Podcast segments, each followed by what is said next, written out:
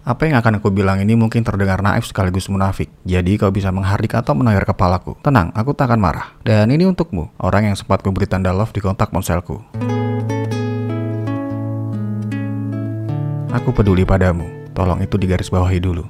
Aku sempat khawatir saat melihat beberapa storymu. Bukan saat kau sedang happy-happy ya, tapi saat kau didekati lelaki lain. Aku takut kau lagi-lagi salah memilih pasangan. Ya, aku tahu aku juga jadi salah satu penyumbang kesalahan terbesar di hidupmu. Tapi... Why is it so hard to say?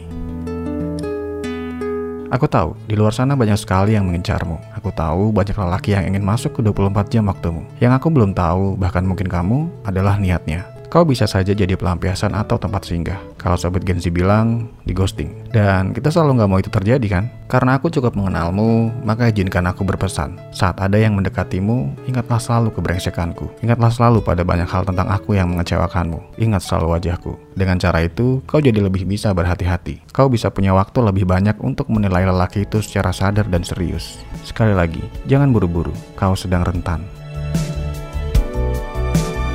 Kuharap kau tak membalasku dengan kalau peduli kenapa ditinggal, kenapa nggak dijagain, sekarang malah sosokan peduli, kentut. Ya, aku kan selalu salah sampai kiamat. Tapi ingat, aku cuma berpesan. Kau bisa menerimanya, kau juga bisa membuangnya. Kau punya hak prerogatif atas dirimu sendiri. So, semoga kamu selalu terlindungi.